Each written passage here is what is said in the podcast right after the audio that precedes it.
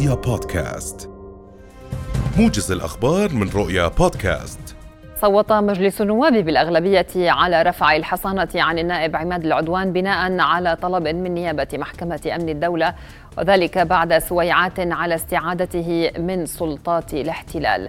وقال رئيس المجلس أحمد الصفدي في مؤتمر صحفي إن النائب العدوان دخل الأراضي الأردنية بجهود من دبلوماسية الحكومة الأردنية والأجهزة الأمنية.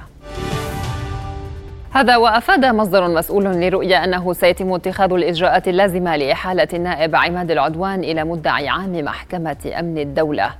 المصدر بين لرؤيا أن قرار الإحالة يشمل النائب العدوان وباقي أطراف القضية الموقوفين لحساب نيابة أمن الدولة. ويأتي استنادا للتحقيقات التي قامت بها الجهات الرسمية الأردنية بعد توفر الأدلة بحقهم ومنها اعترافاتهم بتجارة وتهريب الأسلحة النارية والذهب والسجائر الإلكترونية ومواد أخرى ولعدة مرات. أقر مجلس النواب في جلسة عقدها اليوم مشروع قانون معدل لقانون أصول المحاكمات المدنية والشرعية كما جاء من الحكومة. ويأتي مشروع القانون لغاية تسهيل إجراءات التقاضي وإنجاز المعاملات دون الحاجة لحضور أطراف الدعوة إلى المحاكم في بعض الإجراءات. توقع مندوب الأردن الدائم لدى جامعة الدول العربية سفير أمجد العضيل موافقة وزراء الخارجية العرب اليوم بالإجماع على إنهاء تعليق عضوية سوريا في الجامعة العربية متحدثا عن بعض الملاحظات دون أن يحددها.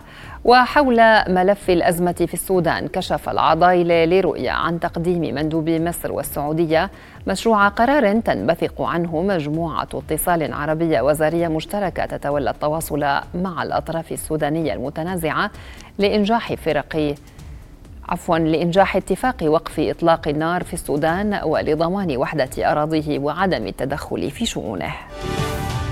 تجددت الاشتباكات صباح اليوم في العاصمة السودانية الخرطوم بين الجيش وقوات الدعم السريع تزامنا مع استمرار المحادثات بين وفدي طرفي النزاع من أجل تثبيت الهدنة بمدينة جدة السعودية.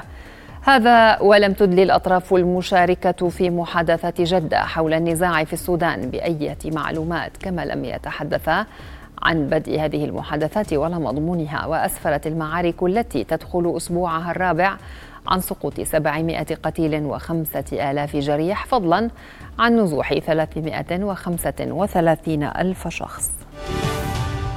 حذر مدير الوكالة الدولية للطاقة الذرية من وضع بالغ الخطورة يحيط بأكبر محطة للطاقة النووية في أوروبا حيث أثار إجلاء روسيا للمدنيين الذين يعيشون بالقرب من محطة زابروجيا مخاوف من تصعيد النزاع في المنطقة. وكانت الوكالة قد أعربت مرارا عن قلقها بشأن سلامة المحطة التي تحوي ستة مفاعلات نووية منذ استيلاء روسيا عليها وذلك لوقوعها على خط المواجهة.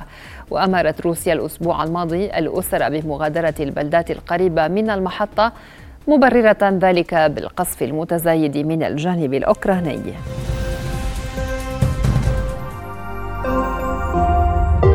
رؤيا بودكاست.